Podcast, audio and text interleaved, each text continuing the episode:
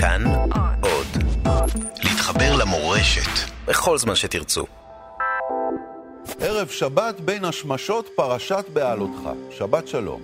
זו פרשה שנפתחת בהדלקת הנרות במנורת המשכן על ידי אהרון הכהן, ממשיכה בסיפור על רוח הקודש שנוחתת על אלדד ומידד, ומסתיימת בסיפור מסתורי שגם בו מככב אהרון ביחד עם אחיו משה ואחותם הבכורה מרים.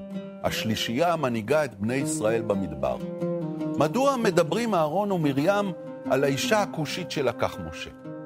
מה הקשר שלה לציפורה אשתו? המשוררת חלי ראובן, שחייה התחילו לפרוח דווקא בגלל מחלה קשה, תתארח כאן לשיחה על מרים הנביאה ומה שאירע לה במדבר.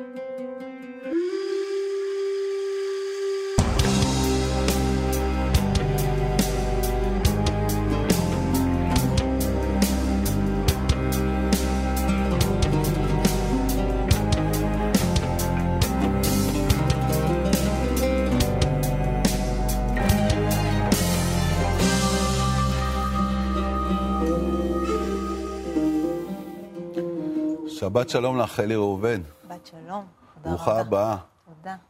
את גם מדליקה נרות כמו אהרון הכהן בתחילת הפרשה? כן, אני גם מדליקה כל נרות. ערב שבת? כל ערב שבת. מה הכוונות שלך כשאת מדליקה נרות? אמ, בריאות, בריאות, בריאות, ואחר בריאות, כך בריאות, כל היתר. ועוד בריאות. ואחר כך כל היתר. וזה מה שמביא אותנו בעצם אה, לסיפור הדי מופלא שלך. את, אה, לא יודע מה להגיד, במקצועך היית רקדנית, מורה, אה, אה, מאמנת, אה, אבל פתאום, לפני כמה שנים, חלית אה, בכמה מחלות אוטואימוניות הקריסו אותי. שהקריסו אותך, ומאז חייך השתנו רק לטובה. תוך ארבע שנים הוצאת, הוצאת שישה ספרי שירה, ויש לך אה, אה, עשרות אלפי עוקבים באינטרנט, בפייסבוק, ואת עושה מופעים, וקוראת שירה, ומדברת עם קהל. מה קרה, תגידי? איך, איך הנס הזה קרה? קודם כל זה לגמרי נס. אני אומרת שהשתנה מסלול הכוכבים שלי.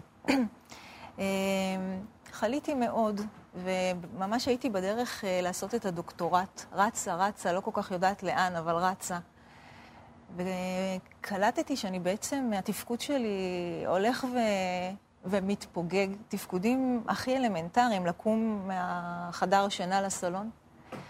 ונאלצתי לעשות הפסק פעילות, ככה. תמיד אני צוחקת במופעים שמאחר ואני מקרקור, לא דאגתי, יש 40 אלף מטפלות ביישוב הזה. כן, לא חסר. לא חסר. אבל באמת ו- זה מפחיד, באמצע זה החיים, מפחיד את אישה צעירה, מאוד. פתאום את לא יכולה לעשות כלום. כל החיים שלי נכנסו להולד, וגם שום דבר לא עזר, והגוף לא נענה לשום טיפול, ומאין יבוא עזרי. אמ, טוב שאני יודעת לבכות, אז פשוט בכיתי על כל נשות אה, ישראל והתפוצות. מה עם הגברים? לא בכית זה עליהם? בא אחר הם כך. בוכים בלילה. הם בוכים בלילה.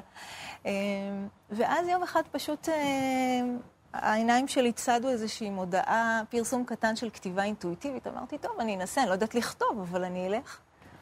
והכי צירף אותי למדיה הזאת של פייסבוק, שלא ידעתי מה היא ולא הבנתי מה היא, ולא לא חשבתי על כלום, חשבתי רק שאני כותבת. וכתבתי במשך שלוש שנים כל בוקר, סביב ארבע וחצי בבוקר, כי אני גם לא מצליחה לישון בלילות. כתיבה אינטואיטיבית. מה זאת אומרת? ישר, ישר מבפנים, בלי לי, פילטרים, בלי מחסומים. פילטרים, אני, אני אומרת את זה בכנות, אני לא מהודקת בשפה. אני, אני כותבת את הלב שלי שהיה צריך לדבר, לדבר. נולדתי בפרשת אמור, אני צריכה לומר. לומר. ואחרי חצי שנה, שבעה חודשים, פתאום הגיע הד. כל יום היית מפרסמת שיר בפייסבוק. כל יום. וזהו, סוגרת את והולכת, המחשב ממשיכה את היום עם והולכת. כאביי וגופי הדואב. אני עוסקת גם בהנחיה, זה היה העיסוק המרכזי שלי, ולא חשבתי על שום דבר אחר. גם לא ידעתי אפילו איך להסתכל בפייסבוק, לא הבנתי את את את המדיה הזו. Mm. ובכתיבה האינטואיטיבית יש גם קטע כזה שהתחילו לעלות לי, אני באה ממשפחה מזרחית, אז התחילו לעלות לי... איזה מוצא? חצי טוניסאי, זה חצי דומיננטי, ורבע טורקיה ורבע חלבית. אבל המשפחה... שילוב מעניין. כן, אבל החלק הטוניסאי הוא מאוד הוא דומיננטי. הדומיננטי. והתחילו לעלות לי מראות וריחות והמטבח, וסבתא שלי, זיכרונה לברכה, שמדברת בשלוש שפות בתוך אה, משפט אחד, ערבית, עברית וצרפתית, והכפרה עלייך, והאליהו הנביא, והכל התחיל לצאת בכתיבה. מה זאת אומרת אליהו הנביא? מה הסיפור שלה עם אליהו הנביא? היא הייתה מדברת עם אליהו הנביא כחלק מיומנו. היא הייתה מדברת איתך, עוברת אליו, חוזרת אליך. כך, אני לא, לא האמנתי שבאתי לבתים אחרים ואין אליהו הנביא, לא מדברים איתו. הוא לא מסתובב בין לא המטבח לסלון. והיא הייתה חולמת אותו, ומספרת שהיא קמה בבוקר, ואליהו הנביא אמר לה ככה, והוא אמר לה ככה, והוא הציל את הבית משרפה, כי הוא העיר אותה באמצע הלילה, ותיקחי את הילדים, משפחה ברוכת ילדים. וזה קרה באמת? כן. זאת אומרת, היא הייתה, כן. גם, היא הייתה נביאה, את אומרת. אני קוראת לה נביאה, היא הנביאה שלי. נביאה היא שלך? היא נביאה שלי, כן. והיא אישה, תמיד אני מתארת אותה עם מטפחת, שתי צמות, טוניקה וגרביון לבן, שלימדה אותי עולם ומלואו על החיים האלה. ואני קדה, קידה, אפרופו הדלקת הנרות, תמיד קידה, קידה גדולה על החוכמה, החוכמה הזאת, שאין שני לה. אז בעצם את אומרת, כולם גם יכולים להיות נביאים, לא רק הנביאים הגדולים. גם סבתא לגמרי. שלך יכולה להיות נביאה, וגם אימא שלך. לגמרי. אני חושבת שזו בחירה שלנו, אה, של אדם, אם הוא רוצה להתקרב לבוראו, ולחלק הנשגב והמסתורי והנעלם מעינינו, אתה יודע, איינשטיין אמר שאין מדען בעולם, מדען אמיתי, שבאמת עוסק במדע בכל ליבו, שלא, שיגיד שאין אלוהים. ואני אומרת, לא רק, לא רק מדענים, גם אנשים שכותבים, בעיקר שירה. Mm. כי אתה, יש איזה מימד שנפרס לפניך שאתה לא יודע מאיפה זה קרה. Mm. וזאת עבודה, זאת בחירה לעבוד ברוח, אני עובדת בזה. אז ככה כל יום, כל יום. בבוקר, בארבע וחצי, את כותבת uh, שיר. שיר. טקסט, שלא יודעת מה, לאן הוא ילך, לא חשבתי שהוא... ושולחת אותו למרחבי האינטרנט. לגמרי. ומה קורה פתאום? ואז אחרי איזה חצי שנה בערך, שבעה חודשים, אני מקבלת טלפון מאישה יקרה מעמיקם, ענתי טורק שמה, והיא אומרת לי שהיא רוצה להזמין אותי. אז אני אומרת לה, ענתי, אני, כשמזמינים אותי אני באה, אבל למה את רוצה להזמין אותי? אז היא אומרת לי, אני רוצה להזמין אותך עם השירים. ואני אומרת לה, איזה שירים? אבל ממש כאילו... לא ידעת. אני תמיד אומרת במופעים שזה כאילו איי-קיו אחד כאילו נשאר לי במוח שמתנודנה. אז היא אומרת לי, רגע, הגעתי לחלי ראובן, המשוררת מהפייסבוק, אמרתי לה, רגע, רגע, שנייה, טעות בעלילה, בואי מחדש. ואז אה, אמרתי לה, תראה, אני לא משוררת, וגם אין לי את השירים. היא אמרה, תשמעי, בואי, בואי, בואי נסגור את השיחה, עשית רושם חיובי בפייסבוק, בואי אני... ונשאיר את זה שם. בואי נשאיר את זה בינינו, תבואי. אמרתי לה, אני אבוא, אבל מי יבוא? כל המשפחה שלי גרה בצפון, מעל המונפורט, מי יבוא? מה, אני ואת נהיה? באתי, היו המון אנשים. ומה השיר באמת שפתח את הדלת הזו? נדמה לי שזה היה שיר על רות, אני כן? חושבת שרות היה השיר שהבנתי שקרה משהו עם השירה הזאת, שהיא כבר לא שירה של משוררת של הפייסבוק, שזה מגניב לי גם להיות שם, אין לי, אבל, אבל הבנתי שיכול להיות שאני קצת משוררת. פתאום הרגשת קצת, קצת משוררת. כי השיר הזה פתאום בשבועות הגיע לכל בית, שרים אותו, הלחינו אותו. אה, כל הקבוצות וואטסאפים, חילוניים ודתיים וחרדים, ו... ואז הבנתי שקרה משהו, ו... ושטיפה ככה אלוהים ליטף אותי בתוך המסע המפרך והמפותל שלי. אז תני לנו משהו מהליטוף הזה בשירה שלך עם רות. בשמחה גדולה. בבקשה.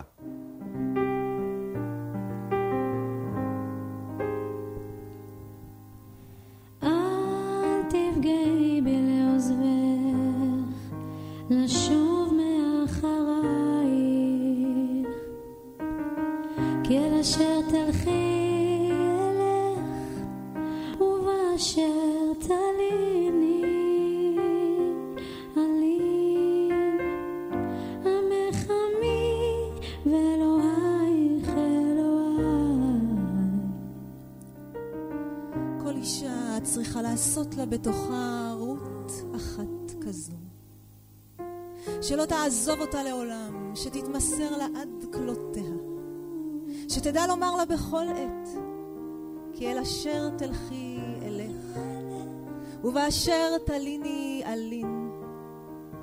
עמך עמי ואלוהיך אלוהי. אישה צריכה לגדל בת קול כזו, אהבה כזו לעצמה, נחל שיפקה בקרבה. כל אישה צריכה להפרות בה זרעי אמונה כאלו, שיעמדו איתנים גם כשהלב שלה מחליק במדרגות ומאבד את כוחותיו, גם כשהיא הורסת את עצמה למרות כל ההבטחות. תמיד תמיד צריכה אישה שתשב בקרבה רות אחת, שלא תיתן לה להפריד את, את הצ... אותה מעצמה לא בחייה ולא במותה, שתדע לומר לה מילים משקמות שמנשימות בה החיים, בכל שדה, במרגלות כל גורן וליד כל איש שתבוא עמו. ברוכה את ביתי, היטבת חסדך, חשת חיילת, כל אישה צריכה לעשות לרות ורעות, ורעות עם נפשה, ולבוא בקרבה בנועמי נועם ובעדינות לב. כמו השם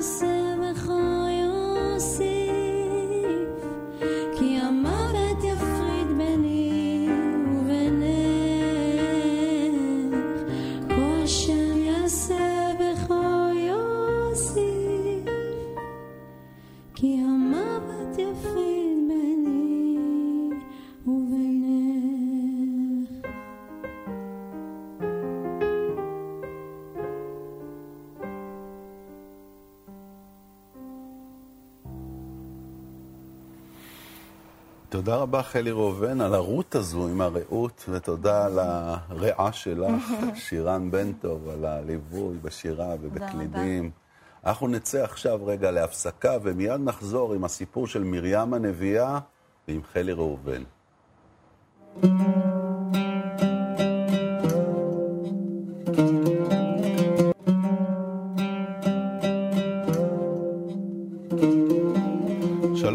חזרנו עם פרשת בעלותך ועם חלי ראובן. אה, קראת קודם כל כך יפה את השיר שלך על רות, ואנחנו פה גם כן נכנסים לסוגיה נשית מאוד, אבל מסתורית. מסתורית כן? מאוד. המקרא מספר לנו בסוף uh, פרשת בעלותך, uh, יש לנו סיפור כזה, ותדבר מרים ואהרון במשה על אודות האישה הכושית אשר לקח, כי אישה כושית לקח.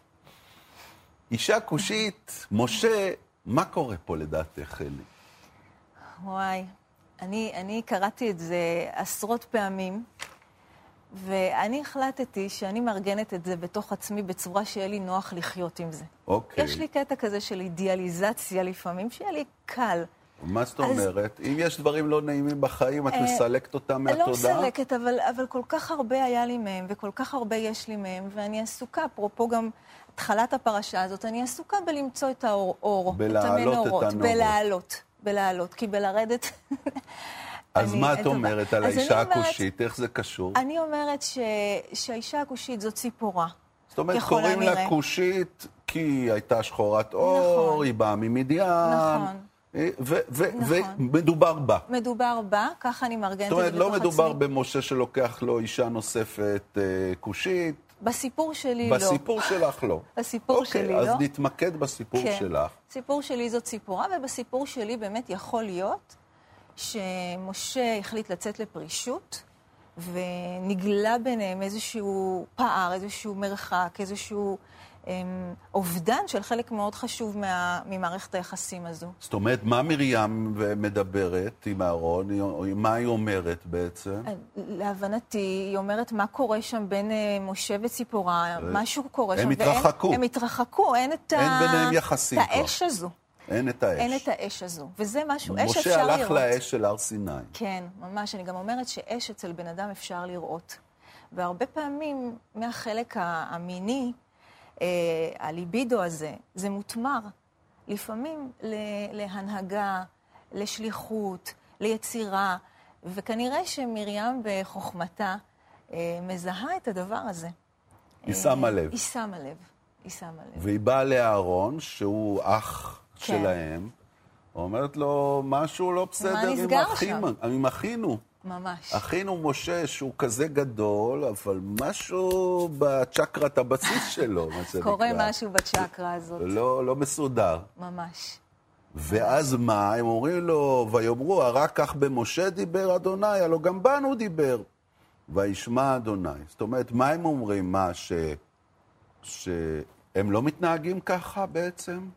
שהם לא פרשו מיחסים? ולמה משה חושב שמותר לו, שהוא יותר טוב מכולם? אתה יודע, אני באה מהמון המון המון שנים של תרגול בודהיסטי, כמעט 20 שנה. והאלמנט של הריקות, שאומר שאני רואה בחוץ מה שיש בי, הוא אלמנט שחי איתי כבר, אה, הוא כבר, הוא כבר שלי. ואהרון ו... ומרים אה, רואים משהו במשה שכנראה גם מעולמם. מה, אה, שגם להם יש עניינים? מאוד יכול להיות. אנחנו לא יודעים. אנשים מדברים את עצמם. את יודעת משהו? עכשיו את uh, מזכירה לי שבכל המקרא כולו לא פגשנו שיש למרים בן זוג. וואי. לא פגשנו את בן הזוג של נכון. מרים בכל התורה, ממש. בכל... פגשנו בארות ותופים ומחולות, אבל זה לא פגשנו. אז לא פגשנו, אז יכול להיות שמה שאת אומרת, שהיא היא רואה משהו מעצמה ורואה משהו במשה. אני מתנהלת בעולם מתוך ההקשבה הזו, Mm. לעצמי ולאנשים. גם כשאני משליכה וחוטאת בדבר הזה, וגם כשאנשים מדברים, הם מדברים את עצמם, גם כשהם מחמיאים לנו, הם מדברים את עצמם, גם כשהם מבקרים אותנו, ואני חושבת שזה גירוי גדול מאוד, משה. הוא גירוי שבא אליהם, אליהם קרוב מדי, וכנראה מהדהד משהו גם אצלם. אז הם מדברים עליו. אז מדברים. וזה- על הצ'קרה שלו יותר קל. יותר קל לדבר על שלו, אבל אז אלוהים כועס עליהם. הוא קורא להם לאוהל מועד, וירד אדוני בעמוד ענן, ויעמוד פתח האוהל, ויקרא אהרון ומרים, ויצאו שניהם, הוא מגרש אותם מאוהל מועד, ואז כשהם מגורשים מאוהל מועד, הוא, הוא, הוא נוזף בהם, ויאמר, שמעו נא דבריי, אם יהיה נביאכם, אדוני, במראה אליו אתוודה, בחלום אדבר בו. לא כן עבדי משה. בכל ביתי נאמן הוא, פה אל פה אדבר בו, ומראה ולא בחידות, ותמונת אדוני יביט. ומדוע לא יראתם לדבר בעבדי משה? איזה אלוהים זה. מה? איזה נאמנות זאת. איזה אהבה יש לו למשה, על הכל הוא חס עליו. הוא אומר, אה, אסור לדבר עליו. אסור, על משה לא אימא, מדברים, ממש. אל תדברו עליו. עליו לא מדברים. אין, אין איש כזה, אין ענווה כזאת, אין... אה, אה, כן, אני חושבת ש...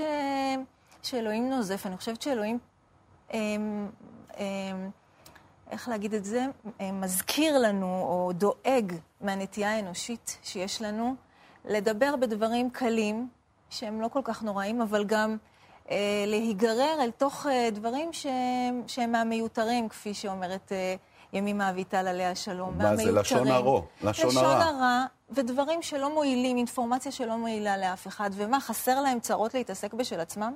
כאילו, בוא כל אחד... אה, אבל גם הוא אומר, משה הוא משהו אחר, הוא נביא נכון, מסדר גודל נכון. אחר, אתם בכלל לא, לא מבינים אותו. אתם לא מבינים. תגידי, את יכולה להבין מצב כזה של, זהו, לעזוב, של משה? משה בעצם אמר לפי הפרשנות שלך, אני לא רוצה יותר להתעסק עם משפחה, עם בית, זה לא, זה לא מתאים לשאר העולם שלי. כן, יכולה להבין את כן. משה? אני יכולה להבין ולענות לך גם בכאב מאוד גדול שעולה לי מתוך עצמי. אמ, קטונתי, יש לי כל כך הרבה שמיים עוד, עוד אה, לע- לעבור, אבל אתה יודע, הנרטיבים הם, הם, הם משיקים. משהו קרה בחיים שלי מאז שחליתי, שממש אילץ אותי, ממש אילץ אותי ודחק בי לצאת מהחיים הנורמטיביים, מה שאנחנו מורגלים, זוגיות, אישות, חיים, ודחק אותי לאיזושהי פינה שנותר לי שם להתבודד עם האל, עם היצירה. מה, היית נשואה? הייתי נשואה, התגרשתי. יש לך בן. יש לי ילד אה, מושלם, ככה סטטיסטית זה הוכח. יש לי בן בן 21. אמ, ואני כמעט עשור, כמעט כמעט לא יכולה לצאת מהבית. ממש אמ, מינימלי ביותר, רק כשאני חייבת, רק כשזה דוב אלבוים ואני באה. תודה.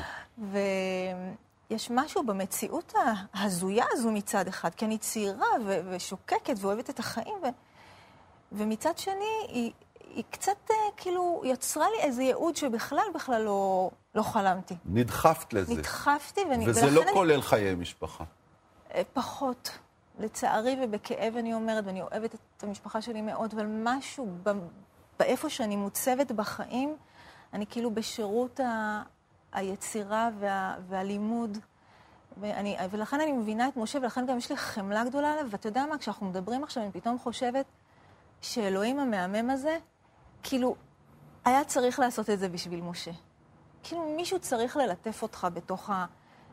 אמ, בתוך השיעור הקשה הזה, אני, אני משליכה עכשיו ממני, זה שיעור קשה. אני, אני שואלת את עצמי, האם הייתי מוכנה להחליף את הקלפים? אני לא בטוחה שאני אומרת כן, אבל אומרת, עדיין. את היית בוחרת, אני חושבת שכן, וגם זה מצער אותי שאני עונה לך. שהיית בגיל- בוחרת בסיפ... בכל הסיפור, במחלה, בהסתגרות, כן. בבית. אני לא מאמינה שאני עונה לך כן, אבל כן. כן. כן, יש שם משהו שהנשמה שלי אה, אה, הולכת לשם, וכאילו, אל, אל תטרידו אותי עם שום דבר של החולין, והחולין מטריד אותי כל הזמן, אבל זה כאילו, זה קשה לי. החולין קשה לי מאוד אוקיי. מאוד. יפה. אז אני מבינה אותו. את מבינה את משה, אבל את גם מבינה את מרים, מן הסתם. נכון. בתוך אחווה נפ- נשית. נכון, זהו, ש, שאני כן. במלכוד פה. את ב- בליבה של אחווה נשית. יש נכון. מסביבך כל כך הרבה נשים. נכון. והשירה שלך היא, לא הייתי אומר שירה נשית, אבל... היא שירה נשית, אתה יכול להגיד את זה. אפשר להגיד, אפשר להגיד כן? את זה. אני כותבת לנשים, שלומן של נשים מדיר שינה מעיניי. אני שנים ארוכות עובדת עם נשים, עבדתי עם אה, כמה שנים עם נשים שעברו התעללויות אה, קשות ביותר. אז בואי נראה מה קרה לאישה הנפלאה הזו, ממש. מרים הנביאה, ממש. שכחלק מהנזיפה שהיא מקבלת, היא חוטפת צרעת, כן. מצורעת, שזו מחלה קשה, כן. שמבודדת אותה. זהו. היא צריכה לצאת מחוץ למחנה. ממש, ממש. זה עונש חזק. תראה, בהתחלה קראתי ועלה בי כעס. כאילו, עשו חטאים כל כך אה, הרבה יותר מזה. נכון. ואלוהים לא בחר אה, כל כך לזעום ולכעוס, ו- ופתאום דווקא מרים, המינקת שלנו, של הצילה כולם- את משה, הצילה, שמה אנחנו- אותו בתיבה, ביאור. אה, כל, כל האור שלה, כל בארותיה, איך, איך הם... אז בהתחלה היה לי מאוד מאוד קשה, אבל אני לא יכולה לכעוס על אלוהים לאורך זמן, אף פעם. כי הוא מהמם, כמה. כי הוא מהמם. אז אני חייבת לארגן את זה איכשהו בתוך עצמי. ואז אני, אז, ואז אני, יכול להיות שאני קצת עושה מניפולציה כאן. אז אני אומרת ככה, הוא סומך על מרים. הוא סומך עליה שהיא מספיק חזקה גם להבין את הקטע שהוא עושה פה. בואי, אני אעניש אותך, נבודד אותך, ניתן לזה, כאילו שיבינו שיש פה עניין, שלא מדברים, שיש לנו מספיק... צריך אחד- להיזהר בדיבור. בדיוק. ו... ושאם מרים עשיתי איתה, אז, אה, אז, אז בוודאי כל היתר צריכים אה, לקשור טוב טוב את השפתיים שלהם, כמו שאני כותבת בשיר שלי, והייתה מתקנת את לשונה. בואי נשמע אולי את השיר כן, הזה. בשמחה. בבקשה.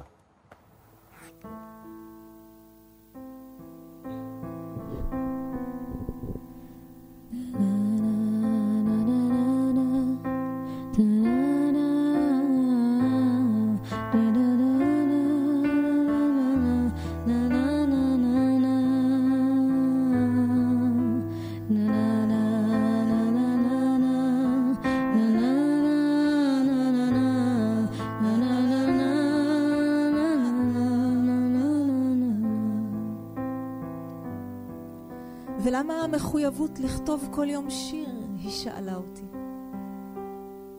איני מחויבת לשירים יום-יום ילדתי. אני מחויבת לתקן את הנשמה שלי יום-יום. והיו אלו המילים שמצאתי להיות לי לעזר, שכל התיקון מתחיל אצלי מהלשון. והלשון מתחילה אצלי מהלב, ולקחתי על עצמי לעשות יופי בלשוני ורסן בחללי פי. גם בתוך פחי האשפה של חיי מצאתי יופי מעל ומעבר לכל שיעור.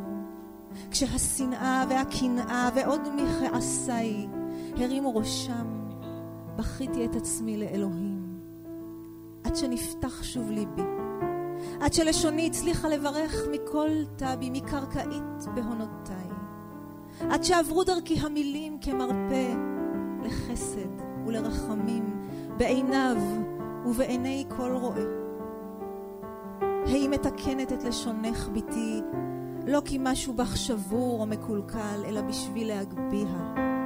בשביל להגביה עוד מעצמך ולמעלה מזה. היא מתקנת את לשונך, בתי, ויבוא כל הטוב ויעטוף אותך לבלי הכר.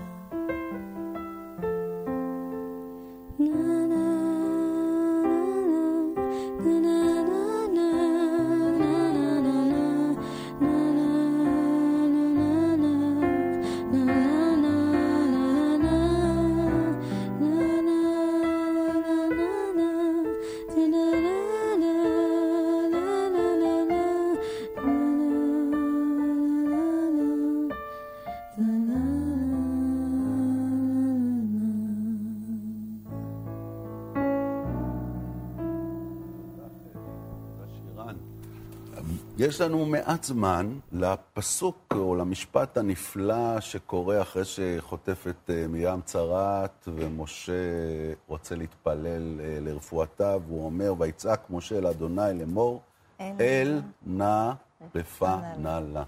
אחת התפילות המדויקות. והחזקות שיש במקרא. ממש. מה את אומרת עליה? אני אומרת שפה אתה רואה כמה משה הוא אדיר. פה אתה רואה, או, או אני רואה, אני מבינה למה אלוהים כל כך שומר אותו, כל כך... אה, אתה רואה את הזכות הזאת, אתה רואה שהוא יכול בכל מיני רגעים אחרים בפרשה אה, לפנות לאלוהים, וככה, ומה, אני לכעוס, ילדתי אותם. ואני הריתי אותם, ומה, וככה, והוא... אבל אה, כשזה מגיע לרגע כל כך זך, אל מול המינקת שלו, אל מול מי שנתנה לו את החיים, אל מול, אל מול הבריאה, אה, אין שם חשבון, אין שם... יש שם זכות וחמלה ואהבה ש... ופשוט. שאנחנו לא מכירים אותה. ופשוט. ופשוט, ולב, אתה לא יכול לעמוד מול הלב הזה. זה, אתה, ו, ואני, ואני חושבת שתמיד כשאני אומרת את המשפט הזה, ואני אומרת את הפסוק הזה כל יום, אה, גם עליי וגם על אחיותיי, אה, כולנו, אני חושבת שגם סלע נשבר שם. אז אלוהים לא נשבר על ההתחלה, אומר נכון. זה ייקח קצת עד כן. שהיא תתרפא, אבל אחר נכון, כך אה, היא נכון. תקבל רפואה. העם, לעומת זאת, לא מדהים. זז עד שמרים נאספה. נכון, שזה גם קטע מהמם בעיניי. כי תראה, כל הפרק הזה, הם הולכים, חונים, זזים, ופתאום ברגע הזה, הם מחליטים, בלי מרים אנחנו לא אנחנו זזים. לא זזים. איזה אחווה. אתה יודע לא מה? רק הנשים, גם הגברים. כולם, כולם, כולם. אה, איזו אחווה. יש שם גם את הרגע המהמם הזה, ש, שהיא, שהיא מסיימת והם אוספים אותה. אתה יודע, הביטוי הזה לאסוף, יש לי המון... אה, יש בו המון לאסוף. חום. חום, הכנסה, מחילה. אה, איזו אחווה משגעת זאת. זה נשגבות, זה באמת מלא יופי. חלי ראובן, תודה רבה לך. תודה שבת רבה. שלום. שבת שלום. תודה רבה גם לכם. בשבוע הבא, פרשת שלח, נחזור לסיפור המרגלים, מוציאי דיבת הארץ. נחשוב מה הם היו אומרים היום. שבת שלום ומבורך.